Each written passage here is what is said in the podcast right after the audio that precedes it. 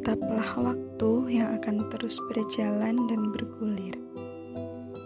Kadang terasa sangat cepat, atau kadang pun juga terasa lambat. Tahun 2020 memberikan kesan yang berbeda-beda bagi setiap insan. Memberi cerita yang penuh dengan lika-liku yang seharusnya bisa melakukan ini dan itu, tapi Allah berkata jangan dulu. Dan hadirnya pandemi di tahun ini menambah kesan yang luar biasa, penuh cerita, tangis, tawa, mungkin juga luka. Nah, untuk pertama kalinya, Naika Project dalam podcast Cerita Bersama Senja akan berbincang-bincang dengan orang yang istimewa. Yuk langsung aja sama-sama kita mendengarkan dalam podcast Cerita Bersama Senja tentang cerita di tahun 2020. Selamat mendengarkan. Assalamualaikum warahmatullahi wabarakatuh. Waalaikumsalam warahmatullahi wabarakatuh. Nah, kali ini di podcast pertama kita ada temenku, tapi siapa ya namanya? Uh, coba kita perkenalan dulu sama yang mau kita ajak bicara hari ini. Sebelumnya, hai teman-teman Perkenalkan, aku Sylvia Andayani, biasa dipanggil Sylvia, asalnya dari Jepara. Uh, apa lagi ya? Kira-kira apa lagi mbak? Kesibukan sekarang? Uh, untuk kesibukan sekarang, uh, lagi ngurus berkas uh, berkas wisuda, alhamdulillah. Alhamdulillah. Dan mempersiapkan diri untuk the next, uh, uh, the next kehidupan ke, kehidupan sesungguhnya yang masih abstrak sekali nggak nyangka ya 2020 uh, sudah hampir berakhir hampir di penghujung sekali dan kita akan memasuki di tahun masehi yang baru nah Sylvia ya yeah? 2020 itu menurut Sylvia gimana? Oke, okay. 2020 kalau menurut aku pribadi sangat uh, istimewa, berkesan. Karena di tahun ini banyak perubahan yang bukan secara lokal ya, tapi benar-benar perubahan secara globalisasi dalam waktu singkat yang menguras pikiran banyak orang untuk mencari apa ya mencari inovasi-inovasi baru untuk menyelamatkan zaman ya istilahnya ya bahasanya mantap mantap mantap. Yang apa itu namanya? Yang benar-benar transformasi secara cepat ya karena adanya pandemi corona covid 2000 eh 2016 ya. Eh 19 oh, 2016 ya covid 19 yeah. ya maklum mbak karena udah terlalu melejit oh, banyak covidnya jadi lupa.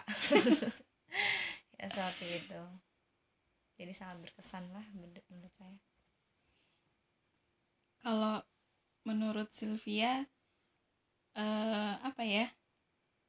Ada nggak sih yang kayak membuat Sylvia di tahun ini tuh kayak hilang mulai hilang semangat atau apa gitu? Oh. Kalau khusus di tahun ini? Ya karena covid gitulah maksudnya kayak akhirnya hmm. memberikan efek yang seperti apa sih buat Sylvia? Iya untuk adanya pandemi corona dan khususnya di tahun 2020 2020 ini spesial banget memberi tekanannya tuh benar-benar maksimal karena pertama ini tahun di mana kita sama-sama tugas akhir ya Mbak Mega. Sama-sama penyelesaian tugas akhir dan kita juga jurusannya adalah jurusan sains harus melakukan penelitian yang nggak bisa dikerjakan dalam apa itu namanya skala apa ya istilahnya skala komputer atau secara duduk manis tuh nggak bisa tapi harus dengan penelitian harus berada di luar yang di mana pada awal awal sebelum terjadi corona ini ya mungkin di awal-awal Januari kan belum sampai ke Indonesia gitu Iya. kita sudah memplanning bagaimana nanti uh, penelitian akan dikerjakan di mana akan apa bekerja sama dengan siapa akan menggunakan metode yang mana seperti itu. Tapi tiba-tiba Maret yang menggeludak dan tiba-tiba lockdown seperti itu. Hmm. ya memaksa semua orang harus pulang kembali ke daerah masing-masing. Dengan kondisi penelitian tidak ada kepastian sama sekali. Dihentikan tidak ada apa istilahnya kayak nggak ada pemberitahuan kapan akan dibuka. Itu kan sebenarnya membuat kegalauan tingkat apa ya istilahnya kayak yang seharusnya kita harus punya planning buat lulus kapan Bisanya harus penelitian mundur. udah ditutup terus maksudnya ini bagaimana gitu Yes. itu Ya, ya, otomatis ya. membuat kita ya putus asa lah yang membuat kita ya mulai kita apa ya istilahnya kayak ya udahlah pulang seperti itu pulang dengan menggantung seperti maksudnya menggantung bukan kita membunuh diri seperti itu kan ya. Saya menggantung Iya, iya, iya, lebih iya. ke arah nggak ada kepastian terus saya harus bagaimana terus bimbingan juga nggak ada bahasan seperti itu. Terus otomatis ya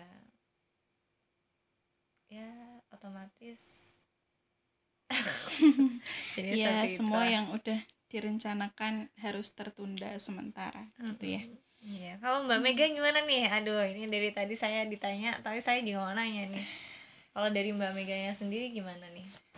Tahun 2020 2020 itu hmm, apa ya kalau aku pribadi sih sebenarnya ya hampir sama sih terus lebih ke ya sama sih karena mungkin kita terbiasa di luar terus tiba-tiba di rumah. Oh, iya. nggak ke mana-mana. Ya awalnya waktu masih awal tahun dari bulan Maret sampai April masih stay Semarang sih di Semarang di pondok dan ya terkunci di sini. Ya waktu itu sih masih bisa masih bisa ada kegiatan pondok lah yang seenggaknya bisa mengurangi apa ya kekhawatiran lah pada Hmm. waktu itu kayak gitu terus tapi karena kayak ngerasa Semarang juga waktu itu udah apa ya zona merah juga eh semakin dibuat khawatir juga terus jalan juga udah pada ditutup Mm-mm. kayak gitu kan terus mau nggak mau bingung juga sih waktu itu mau pulang apa tetap stay di Semarang tapi pada akhirnya minta pertimbangan ke orang tua juga ya nggak apa-apa kalau misal mau pulang tapi kalau nggak pulang juga nggak apa-apa lebaran di pondok aja Hmm. gitu tapi kok ya gini banget ya masa lebaran terus momen-momen yang apa ya krusial banget lah masa harus pisah dari keluarga terus akhirnya di Hamin satu sebelum puasa akhirnya memutuskan untuk pulang ke tempat asalku di Ngawi gitu. Dan ternyata sesampai di sana eh apa ya kayak protokol kesehatan terus proses kita masuk ke lingkungan sana itu ternyata jauh lebih ketat daripada di sini gitu daripada di Semarang gitu. Jadi jadi kayak di sana ya nyampe rumah diisolasi Isolasi. 14 hari nggak ke mana-mana nggak boleh ketemu siapa-siapa cuman di rumah terus ya gitu sih lebih kayak tekanan pikiran ya emang benar ya tekanan pikiran Hmm. terus ya nggak tahu lagi sih sama juga eh apa ya tugas akhirnya skripsinya juga jadi terbengkalai. terbengkalai nggak tahu mau gimana gitu kan terus tapi ya dinikmati aja lah yang ya mungkin semuanya udah takdir juga Hmm. kali ya udah rencana Allah kayak gitu. Tapi ya disyukuri sih dinikmati meskipun harus tatih-tatih. Iya benar sih Mbak Mega. Betul betul banget. Kalau menurut Sylvia nih eh apa ya kayak dari kejadian ini tuh apa sih pelajaran yang bisa diambil gitu? Oh, istilahnya hikmah gitu ya apa yang bisa Iya. diambil. Eh, dari aku pribadi sih jujur nggak cuman banyak tapi banyak gitu ya Mbak ya. orang Jawa Timur banget nih. Emang orang Jawa orang Jawa Timur ngomongnya gitu? Ya kan kalau apa ya kalau kata orang-orang orang Jawa Timur tuh kalau misal ngomong segala sesuatu yang sesuatu berlebihan yang lebih itu nggak usah ditambahi dengan kata banyak banget gitu. Tapi cukup dengan diganti dengan u. Kalau misalkan hari ini panas nih misal panas cukup bilang panas itu udah menggambarkan kalau panas banget saya gitu. di tempat saya juga seperti itu oh gitu ya? Bukan Jawa Timur aja ya? Jadi kirain orang Jawa Timur misal- aja. Tapi di sini jarang nemuin kayak gitu masalahnya. Hmm, gitu. Iya. Oh, kalau ya oke oke. Oke berarti Jawa Timur mungkin bagian dari eh Jepara itu ya bagian dari Jawa Timur ini kali ya? tambah.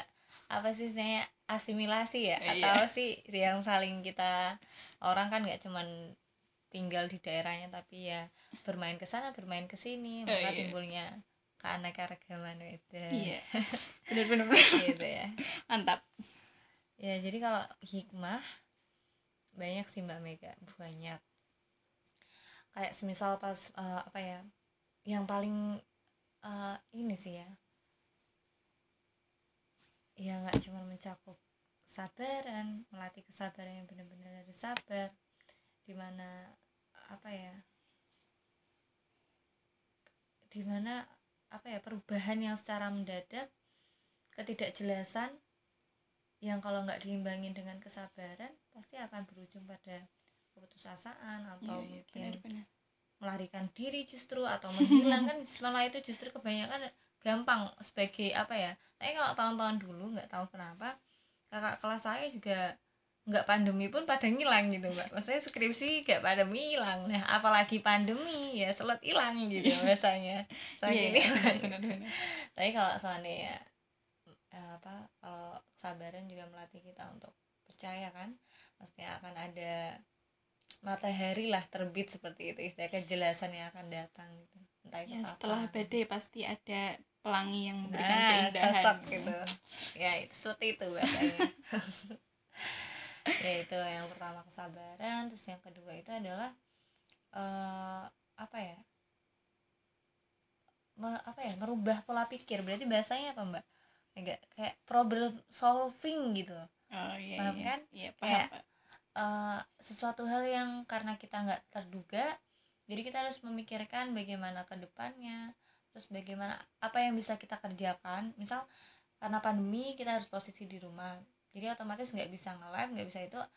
Apa yang bisa kita isi di hari-hari itu biar kita nggak istilahnya kayak nggak cuman rebahan gitu atau istilahnya kayak yang intinya nggak produktif lah. Karena memang kebanyakan justru kan orang udah tidur di rumah kan seharusnya kan malah enak bisa tidur bisa tidur terus tidur tidur tidur makan Ya, tapi lama-lama ternyata capek juga Iya, ya di membosankan. rumah terus Mm-mm. jadi kan harus uh, menyelesaikan permasalahan itu dengan mengambil sesuatu hal yang mungkin lebih produktif menghasilkan sesuatu maka timbulnya kayak misal lagi marak-maraknya webinar atau Yes, semacam seminar benar-benar. justru itu kan sebenarnya juga maksudnya itu juga hikmah yang membuat kita malah menambah ilmu kayak gitu Mm-mm. ya kayak gitu terus yang terpenting adalah manajemen waktu tapi kalau aku sendiri masih belajar sih mbak Mega tapi kayak kata orang-orang gitu. gimana gimana gimana pandemi ini tuh mengajarkan manajemen waktu di mana kita harus berkelahi terhadap eh, terhadap hawa nafsu untuk malas-malasan Iya, untuk iya, iya. rebahan karena hal yang paling susah itu adalah melawan hawa nafsu sendiri iya sih benar-benar kalau benar. nyaman dengan kasur mau ngapa-ngapain juga mager gitu, iya iya. Gitu. iya Kalau- harus. Nah, harus kayak gitu. Harus apa nih? Harus sabar. Iya iya. Harus inovatif, belajar apa ya? 2020 itu memberikan banyak pelajaran luar biasa eh salah satunya tadi ya sabar gitu. Terus selain sabar tuh kayak ya mungkin lebih ke ikhlas sih sebenarnya Hmm, ya. iya, benar. Mengikhlaskan segala sesuatu gitu. Karena eh kayak yang banyak orang bilang juga gitu ya ya manusia hanya bisa berencana gitu tapi tetap segala kuasa segala eh apa ya keputusan itu tetap mutlak di tangan di tangan Allah di tangan Tuhan gitu jadi ya ya udah kita nggak bisa ngapa-ngapain juga gitu ya hanya bisa berikhtiar Iya. gitu. Mm-mm. terus pada akhirnya ya ya udah diikhlasin aja ya gimana lagi orang udah takdirnya Allah udah eh apa ya ya takdir ya Hmm, Takdir mengatakan memang seperti ini. seperti itu ya. Iya tapi sih. ada hal yang ini sih mbak Meg yang membuat saya lebih bahagia. Apa nih?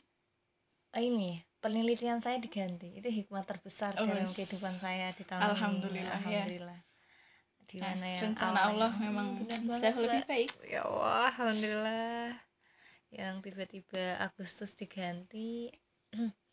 Ya alhamdulillah mbak Mega Hmm, tapi itu lebih ini maksudnya lebih dimudahkan lah dimudahkan di seharusnya masih ada step-step yang panjang. Stepnya dihilangkan langsung ke bagian step langkah terakhir seperti itu kayak ya metode penelitian yang terakhir seperti itu. Dan alhamdulillah ya ada hikmahnya juga pandemi. Tapi eh, terus habis dari di lockdown terus akhirnya bisa new normal lagi gitu. Nah waktu ada pemberitahuan new normal me- dari Sylvia ada kayak ah, ada harapan baru nih kayaknya gitu Hmm. tuh kayak menurut Sylvia gimana setelah adanya new normal sampai saat ini gitu aduh kalau berdasarkan kalau keadaannya normal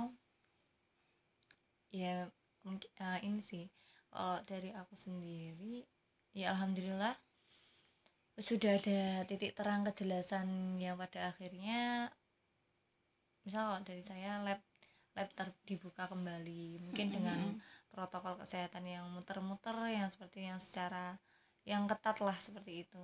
Iya iya. Yang harus ngumpulin berkas banyak banget berkas rapid test dan berkas lain untuk sempat rapid test juga Ah, ah, berarti? sempet. Oh. iya sempat rapid test. Ya saya alhamdulillah ini mbak non reaktif alhamdulillah. Pada saat itu. Tapi yang nggak saya suka itu masa eh, apa itu namanya pes- apa ya namanya perawatnya ya. Perawatnya bilang "Eh, iya mbak ini untuk hari ini saja tapi belum tentu tentu untuk ke depannya mbak juga terbebas gitu seperti oh itu. iya sih benar ya, ya benar. sih ya tapi Ya, padahal nggak tahu juga ya kalau habis habis rapid test ketemu sama orang ternyata orangnya iya makanya Ini sedangkan positif. rapid test kan selalu ganti-ganti orang kan. Iya ya. ya alhamdulillahnya gitu lah ya seperti itu. Ya, tapi semoga eh, ke depannya selalu sehat terus ya. Maksudnya Alhamdulillah. kita semua juga dijauhkan dari apa ya, dari segala mara bahaya pandemi ini, dari ya segala bahaya yang di luar sana. Semoga selalu dijauhkan.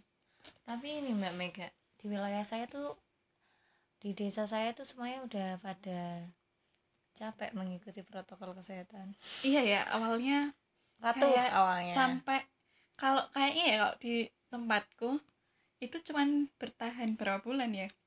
Dari kayaknya setelah Idul Fitri kalau nggak salah. Itu udah bebas udah kayak nggak pakai masker gitu. Ya kalau pakai masker sih alhamdulillah dari peraturan pemerintah desa ketat sih. Tapi kayak kayak udah padahal waktu itu masih masih musimnya di lockdown juga tapi kayak sekarang yang awalnya kayak tempat-tempat kayak posko-posko Hmm. gitu kan itu sekarang udah nggak ada waktu setelah Idul Fitri kalau nggak salah. Itu udah kayak ya udah normal biasa aja. Kalau bahasanya new normal kalau di tempatku sebenarnya udah bukan new normal iya, normal benar. lagi. Kalau di desa kayak gitu. Soalnya ini loh mbak.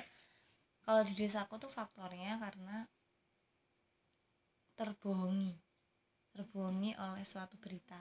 Hmm. jadi kayak di desaku isu ya? Heeh, isu pas awal-awalan berapa ya berarti bulan pas aku di rumah itu ya April lah bulan April kalau nggak salah itu ada orang dua orang eh, penduduk desa aku gitu kan meninggal Hmm. yang pertama meninggal satu dulu terus kemudian eh, nah di kuburnya itu menggunakan protokolnya itu COVID. COVID. Ah, iya, iya.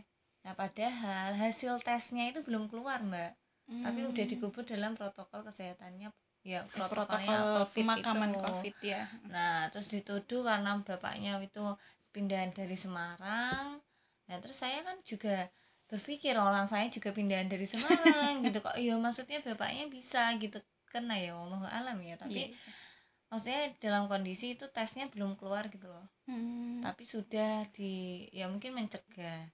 Tapi kan tapi Iya, iya, iya. eh, pandangan masyarakat kan pasti berbeda dong pahamnya seperti itu ditambah ketika setelah itu orang yang terdekatnya keluarganya terus kiai-kiai yang berhubungan sama beliau-beliau semuanya diisolasi kayak gitu. Kan Hmm. otomatis masyarakat terus jadi takut awalnya kayak gitu.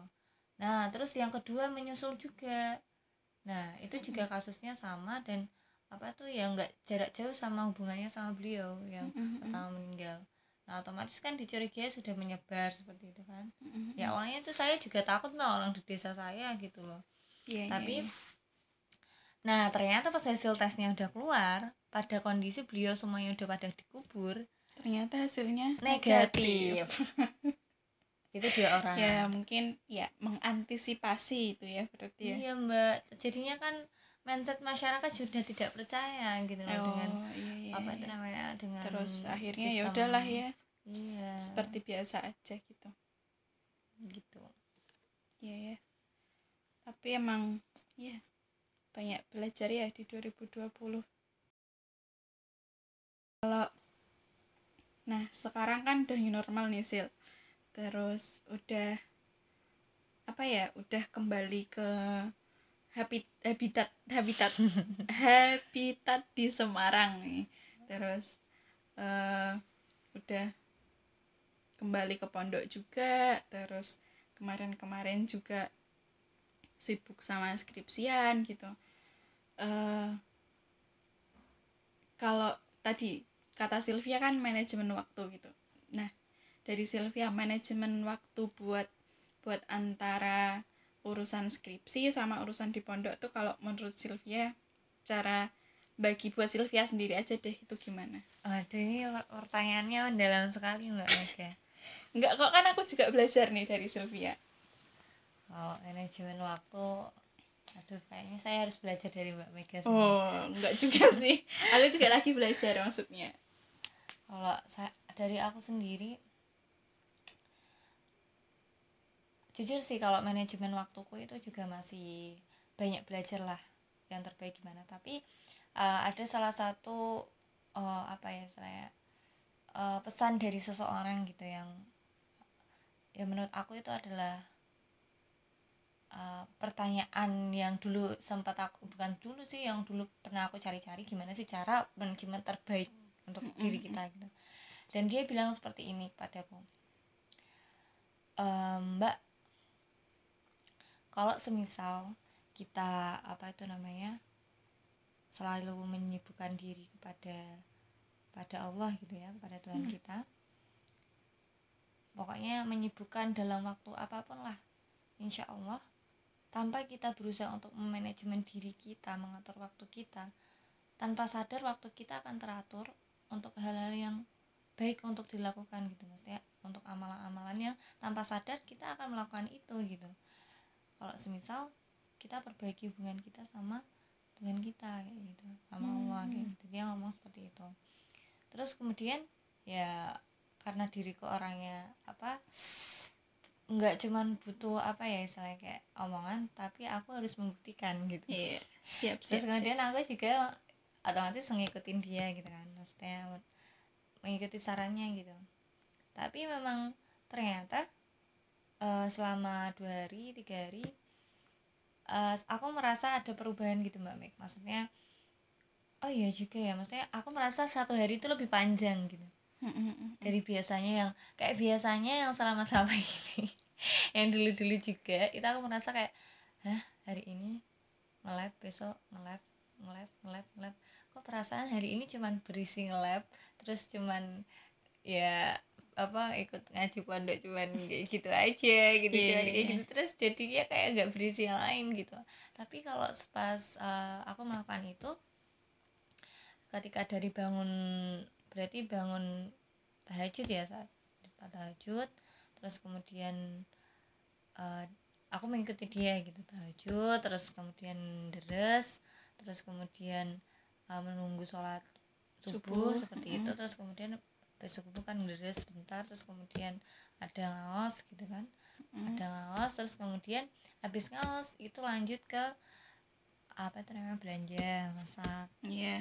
masak buat mempersiapkan maem terus kemudian habis masak kemudian uh, ya mandi sarapan terus kemudian sholat duha terus apa itu namanya ngaos lagi gitu kan yang merajaah itu terus kemudian uh, lanjut untuk ngerjain tugas yang lain tugas yang lain. Tapi alhamdulillah itu selesai dari jam 9 hmm. kan lumayan ya mbak. Jam 9 terus sampai jam duhur terus sholat terus kemudian lanjut sampai uh, jam 1 misalnya masih ada tugas. Terus jam 2 itu ya mungkin deres lagi. Terus dan deres kemudian uh, kan sorenya ada ngaos juga. Mm-hmm. habis ngaos terus kemudian deres lagi buat persiapan yang ini ya apa habis maghrib. Nah, habis maghrib ngaos lagi. Ya ya sebenarnya memang alhamdulillah itu sang apa ya terasa gitu loh manajemen waktunya maksudnya terasa teratur gitu loh mbak. Tapi memang nggak gampang butuh keistiqomahan butuh perjuangan. Yeah, yeah. tapi itu yang masih aku belajar gitu mbak untuk ya nggak musim-musiman untuk seperti itulah intinya. Tapi ya ya masya allah lah guru yang mengajarkan saya. Masya Allah, Allah gitu ya. tapi pasti ada nggak sih kayak fase-fase di mana kayak kita males fase-fase di mana kita lagi futur gitu. Nah itu kalau dari Sylvia nih cara mengatasi kalau misalkan lagi males lagi futur terus apalagi belum ditambah mungkin ada banyak pikiran masuk terus belum lagi ada omongan masuk kayak gitu. Ini kayak Mbak Mega salah narasumber ini seharusnya itu bukan saya ini kalau nanya tentang cara menghilangkan rasa malas dan futur. Enggak ini ini versi Sylvia sih oh, versinya Sylvia. Sylvia gitu. Nah, kalau versi aku sendiri ya aduh kalau rasa malas itu memang penghancur segala rencana ya Mbak Yamik ya malas ya futur ya.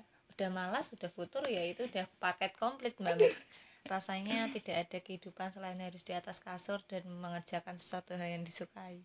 Ya Tapi, kalau misalkan ya mungkin ada beberapa orang yang justru kayak gitu tuh malah dia bingung mau ngapain bukan di atas kasur dan main HP tapi... ya karena bingung itu di atas kasur memang mau bergerak kan bingung. Jadi ya lah karena terlalu nyaman dengan kasurnya. Aduh gitu ya, ya ternyata. nggak tahu ya, juga sih kalau kalau aku kalau kayak gitu pengennya keluar. Oh keluar. Ya kalau aku cara mengatasi fase-fase yang kayak gitu mungkin kayak udah wah mulai apa ya wah udah nih nggak tahu jalan keluarnya mau ke mana udah pokoknya keluar jalan aja udah nggak tahu ke mana. Hmm. yang penting tahu arah pulang aja. Tapi kalau aku gitu kalau misalkan lagi tapi langsung ini langsung ayam gitu istilahnya. ya nggak juga langsung ayam juga nggak langsung tenang juga tapi setidaknya ada apa ya kayak uh, beban ya ada sedikit beban yang terkurangi. mulai terkikis terkurangi gitu jadi ketika mungkin mau lihat mau ngerjain sesuatu tuh kayak ya ada sedikit lah niat untuk ngerjain lagi gitu, hmm, gitu. tapi emang sebenarnya ini sih mbak Meg kalau emang lagi capek malas futur emang obat yang termandi saya itu ketika kita termujarab ya nah, paling mujarab. Kok mandi sih? Mandi kan ya itu bahasa Jawa. Iya bahasa Jawa bukan bahasa Indonesia ya. Ya istilahnya yang mujarab lah. Mujarab itu adalah ketika kita melihat orang maksudnya melihat ya lingkungan luar dalam artian kalau aku melihat orang yang istilahnya apa ya kurang beruntung dibanding aku.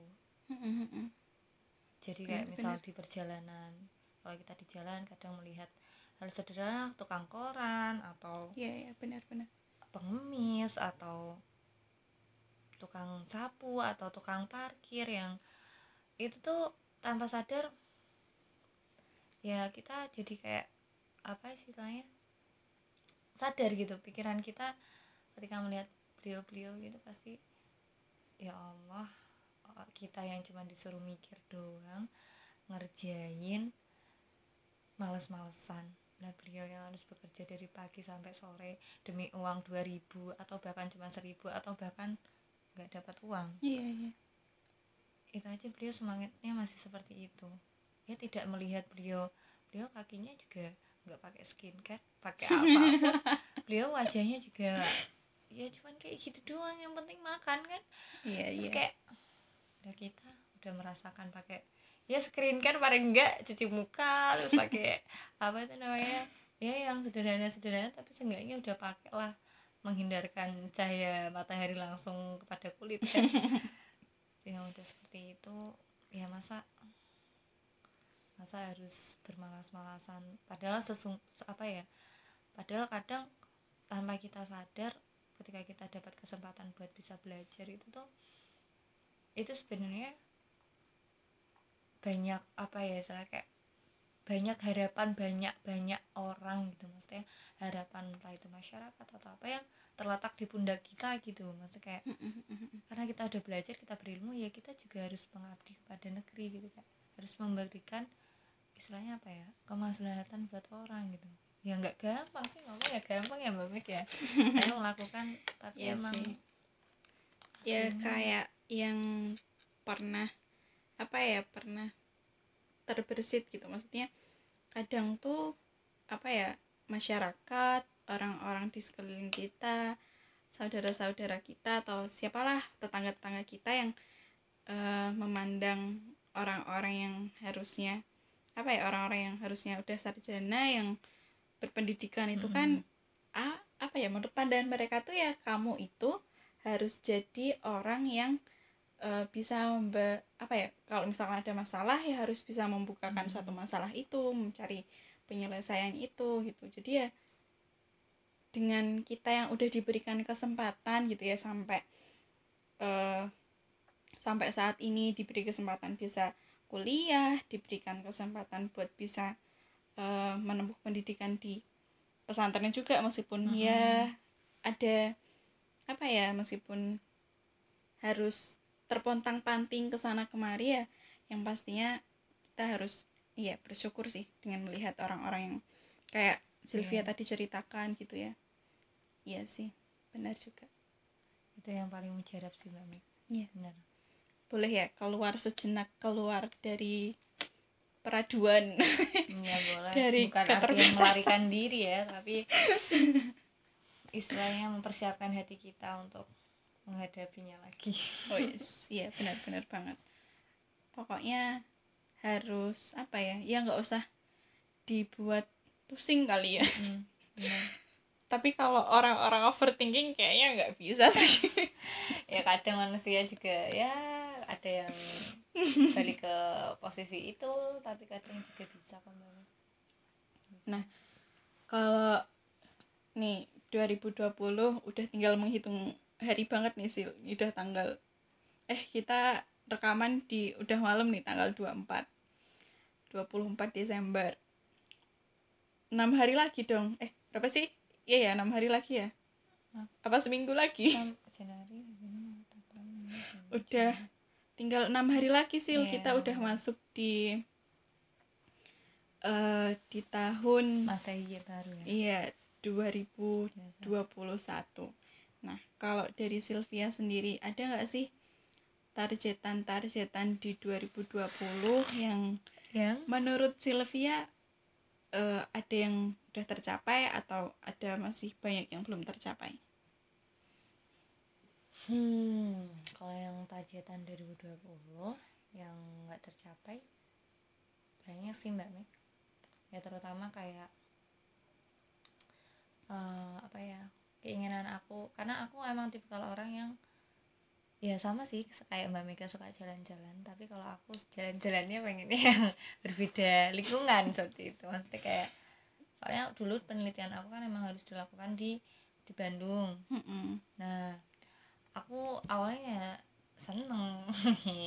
Bisa jalan-jalan gitu ya. Apalagi Tapi pas itu- Allah berkehendak Oh, lain. tapi alhamdulillah sih. Karena aku jalan-jalan pun sendirian juga kan. Ya itu juga nanti juga emang butuh pendamping po ya jelas dong mbak. Tapi ya ya ya tinggal Allah lah yang mengatur. Oh targetnya berarti salah satunya itu ya? Ya enggak.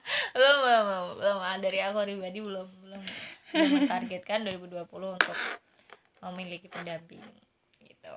Nah itu. Terus eh, salah satunya tadi rencana terus rencana pengen ke Bandung terus eh, rencana pengen apa ya eh, mengikuti event event yang diadakan off offline. Jadinya online. Itu Nggak sebuah sebuah ya sebenarnya ya alhamdulillah. Tapi apa ya rasa ini loh apa ya kalau kata anak apa ya kalau kata anak-anak riset tuh atmosfernya atmosfer, atmosfer ya atmosfernya ini yang beda gitu iya kan. iya iya. kalau di laptop apa namanya kayak online kan kayak kita nonton YouTube kayak gitu. nonton YouTube. meskipun yang datang itu pembicaranya misal siapa itu namanya artis nyanyi siapa ya mbak Meg yang cantik siapa yang ini Siapa sih, loh yang kayak temannya Isyana itu loh Raisa. Raisa meskipun yang Oh. datang itu pun Raisa tapi tetap kan di online. Oh gitu. Makanya tetap di online dia nonton YouTube juga bisa kan? Iya sama benar, aja. benar, benar. kita bisa komunikasi komunikasi secara langsung gitu. Ya salah satunya segala event pindahnya semuanya di uh, pada online. iya. Dan yang paling ngena ini sih yang terkait apa eh terkait eh, apa ya membahasakannya? Kayak bisnis bisnis salah satu bisnis yang aku bergabung sama temenku kayak gitu.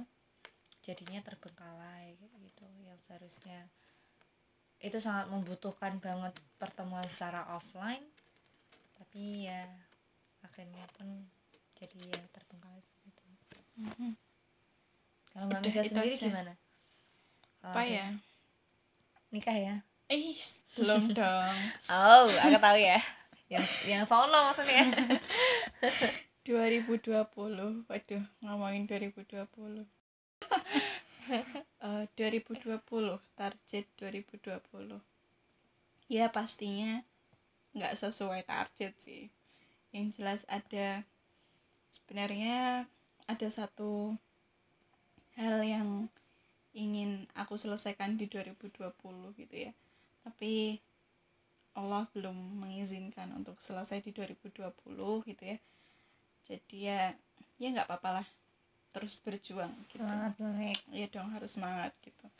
Terus apa ya target 2020 yang sebenarnya tuh eh aku awalnya 2020 tuh nggak nggak masang target yang muluk-muluk kayak di tahun 2019 sih. Tapi ya gimana ya? Ya udahlah gini aja pokoknya. Nggak tahu mau apa ya targetku di 2020 adalah satu yang yang yang bisa tercapai gitu ya. Bisa ngidupin blogku lagi itu salah satunya. Tapi ya meskipun nggak seaktif aktif banget cuman beberapa bulan bisa bisa ini sih bisa terisi Ah, lah ada konten Allah. yang terisi bukan Jadi konten lah. juga sih gitu ya salah satunya pengen nerbitin buku juga cuman juga masih masih banyak belajar juga belajar nulis belajar belajar ya banyak lah pokoknya segala sesuatu yang berhubungan dengan menulis gitu terus dan alhamdulillah kemarin sempat ikut kelas menulis juga gitu dan ada beberapa ilmu yang bisa diterapkan ke depannya juga. Terus apa ya target 2020 itu? Ya harusnya udah selesai sih. Tapi ya nggak apa-apa. Ya 2020 memang spesial Mega. Dan alhamdulillah. di 2020 itu eh, banyak apa ya kalau aku merasakan banyak merasakan kehilangan gitu ya kehilangan yang bagaimana mbak? Yang ini kucing sebelumnya mbak ya. 2020 ah enggak lah. Pokoknya ada yang kehilangan di 2020 salah satunya kabar di akhir tahun ini juga gitu Duka, ya. ya. iya gitu. Jadi ya ya nggak apa-apa lah. Disyukuri emang. Takdir mengatakan seperti ini. Iya, Gitu. iya benar sih Mbak. Kalau nih berarti 2021 target di 2021 yang mau Sylvia capai apa tuh? Uh, target 2021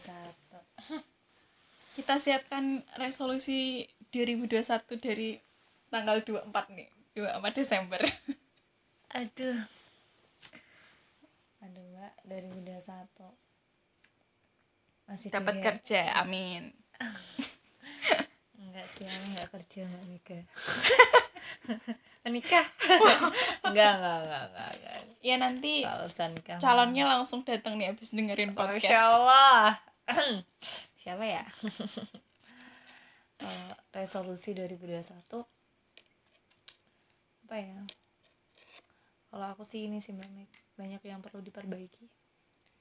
Pertama ya pasti Mbak Mega tau lah ada yang perlu diperbaiki terus eh, yang mau memperbaiki itu terus sama mau lanjut kalau alhamdulillah kalau rezekinya dapat lanjut kuliah amin Hmm. ya seperti itu Mega. ya untuk selanjut selanjutnya saya tidak mau ya apa ya istilahnya ya ya target sih. Banyak lah mbak. Target intinya menjadi yang lebih baik kayak gitu. Dan sebisa mungkin mewujudkan apa yang terbengkalai di 2020 gitu. Tapi kamu pernah nggak sih kayak ngerasa eh apa ya pernah mentargetkan suatu hal gitu? Terus apa ya kayak kamu tuh eh tidak bisa mendapatkan padahal target kamu mungkin bisa dikatakan ada ada 10 target nih misalkan terus kayak semesta tuh kayak berkata dari 10 target yang sudah kamu tuliskan, yang sudah kamu rencanakan, hanya dua yang tercapai gitu. Terus pada akhirnya kok gini ya, terus kamu merasa takut untuk mentargetkan sesuatu hal gitu. Pernah nggak merasa kayak gitu? kalau dari aku sendiri eh ya pernah sih kalau merasa takut untuk mentargetkan sesuatu pada akhirnya gitu kan gara-gara semesta istilahnya ada suatu hal yang tidak tercapai atau tidak terpenuhi tapi kalau aku eh aku udah dari apa ya dari semenjak aku apa ya aku SD kelas 6 itu. Aku tuh udah sering nulis dalam lembaran kertas gitu. Apa yang aku inginkan apa yang pengen aku capai gitu. Kalau dulu kan kalau kita masih kecil itu pikirannya masih apa ya duniawi gitu loh. Istilahnya kayak aku pengen sekolah di MTS ini aku pengen pokoknya masih umum juga general gitu. Misalnya aku masih pengen Pikiran anak-anak lah ya. gitu. pengen iya pokoknya kayak gitu. Pengen prestasi tapi cuman ngomongnya prestasi doang gitu kan. Nggak tahu Nggak jelas apa. prestasi apa. gitu. Tapi ya sampai tapi alhamdulillah karena umumnya itu jadinya udah tercapai mbak. Oh justru gitu, yang iya, spesifik iya. spesifik itu yang kadang uh, Benar, benar, benar, terlalu ini sih apa itu namanya terlalu mengena kalau seandainya enggak tercapai gitu. Dan apa ya sempat sih sempat sering juga. Kayak misal uh, aku pengen masuk univ S1 gitu itu juga nggak sesuai dengan target aku dulu gitu. Eh, sebenarnya awalnya apa ya? Ya berat gitu maksudnya kenapa kok nggak sesuai dengan mimpiku ya maksudnya targetku gitu. Tapi ketika aku ketika sesuatu hal itu nggak terwujud maksudnya semesta nggak mewujudkan itu gitu kan untuk nggak mewujudkan itu aku harus mencari istilahnya kenapa gitu. Why? apa sih sebenarnya kenapa Allah nggak mengabulkan itu gitu? Aku mencari itu. Dan mungkin jawabannya nggak langsung seketika ketika itu aku tahu gitu. Iya, tapi iya, pikiran benar. itu pasti ada gitu. Sampai ke bawah kuliah dan pada akhirnya aku sadar gitu. Ya ini yang terbaik gitu buat aku. Kayak gitu kan mbak Mega iya. Iya sih benar selama dan itu berhubungan dengan target-target yang lainnya pun seperti itu. Jadi eh, tetap aku tulis gitu. Tapi ketika ada suatu mimpi atau suatu target yang tak tercapai aku harus mencari tahu itu gitu. Ya itu ak- pada akhirnya akan membawa kepada hikmah atau pelajaran apa yang bisa diambil gitu. Kenapa? Karena nggak mungkin lah Allah tuh maha maha apa ya istilahnya kayak hal mengabulkan permintaan hambanya apalagi kayak ketika permintaan itu adalah hal yang baik gitu nggak mungkin di nggak dikabulkan gitu. Iya. Pasti ada suatu hal atau alasan gitu maksudnya suatu mungkin nggak sekarang atau bisa nanti. Dan itu pun yang sebenarnya kemarin juga menjadi kegalauanku mbak Mega. Yang menjadi kegalauanku gitu. Maksudnya kayak eh, apa ya kayak target-target di 2020 yang seperti itu terus hingga akhirnya tahun 2021 banyak lah yang seperti itu. Tapi yang terpenting adalah aku harus mencari tahu gitu. Karena pasti di belakangnya tuh kadang memang apa ya indah. Tapi Iya cuman nggak di depan di Iya. belakang gitu loh ya. Nggak kadang nggak buat kita buat down kayak gitu. Gitu sih mbak Meg kalau mbak Mega sendiri gimana?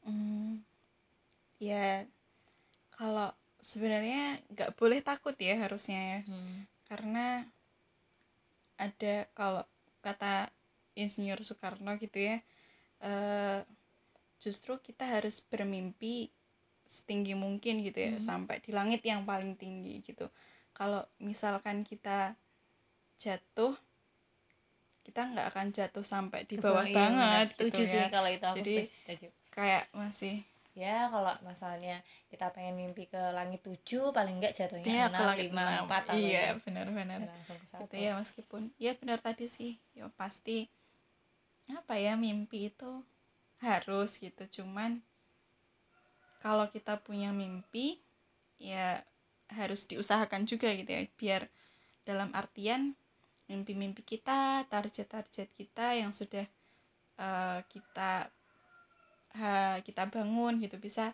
bisa tercapai. Gitu sih. Kalau aku ya kalau bisa jangan takut bermimpi. Cuman pasti ada sih perasaan-perasaan yang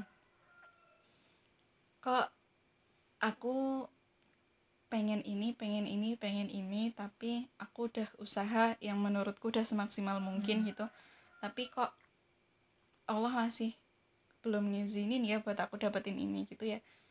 Apa mending? Ya udahlah let it flow.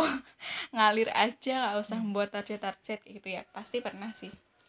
Tapi ya yang pasti mimpi itu harus ada. Kalau kita nggak punya mimpi iya nggak ada Hambar banget hidup. kali ya iya hidupnya. benar nggak ada kayak perjuangan atau struggle Iya sih benar. Terus bermimpi.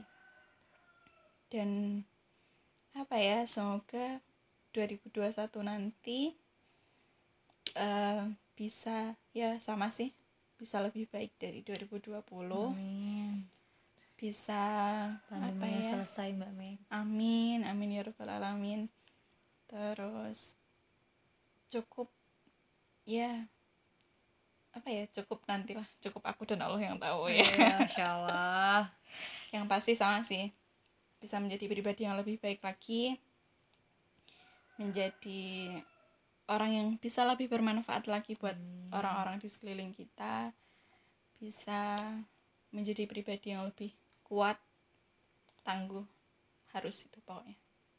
Udah sih. Betul mbak Meg semangat selalu ya. Harus dong Sylvia juga harus semangat selalu Amin, gitu. Ya Allah alhamdulillah. Nggak kerasa nih Sil udah berapa ya? Udah hampir sejam udah 50 menit gitu.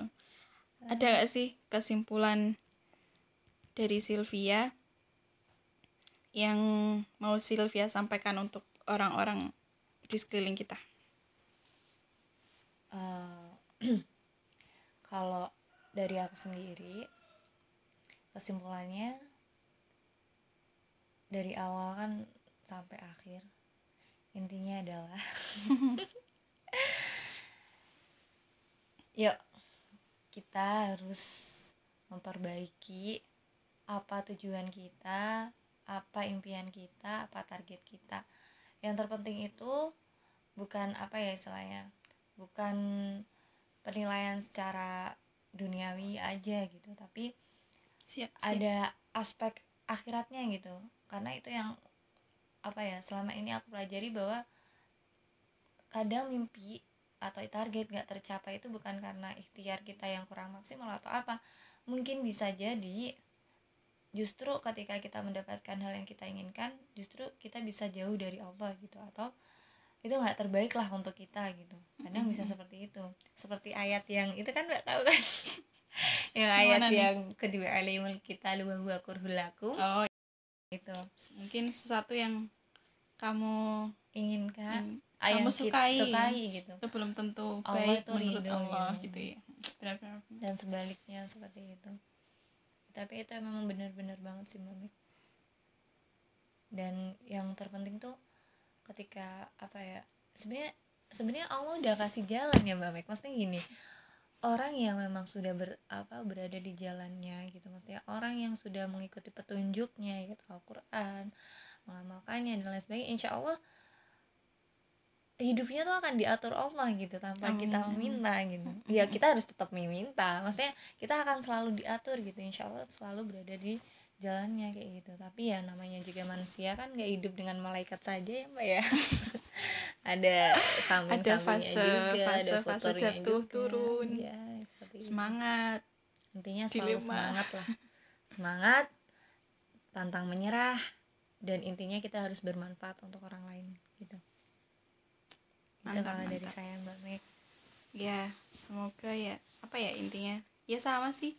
Semoga jadi tahun yang memberikan banyak keberkahan tahun yang nantinya bisa eh, membuat banyak orang menjadi apa ya bisa semangat kembali karena keterpurukan di tahun 2020 2021 bisa bangkit kembali di 2021 bisa apa ya ya dunia ini bisa tersenyum kembali sih. Amin amin nah makasih ya Sil udah menemani perbincangan malam ini gitu ya. Semoga apa yang baik gitu ya bisa diambil gitu. Kalau misalkan ada perkataan-perkataan yang kurang baik ya nggak usah diambil tinggalin aja lah gitu ya. ya namanya juga manusia ya mbak. Yang Iya. salah. Iya. Dah, makasih Sylvia. sama-sama See you.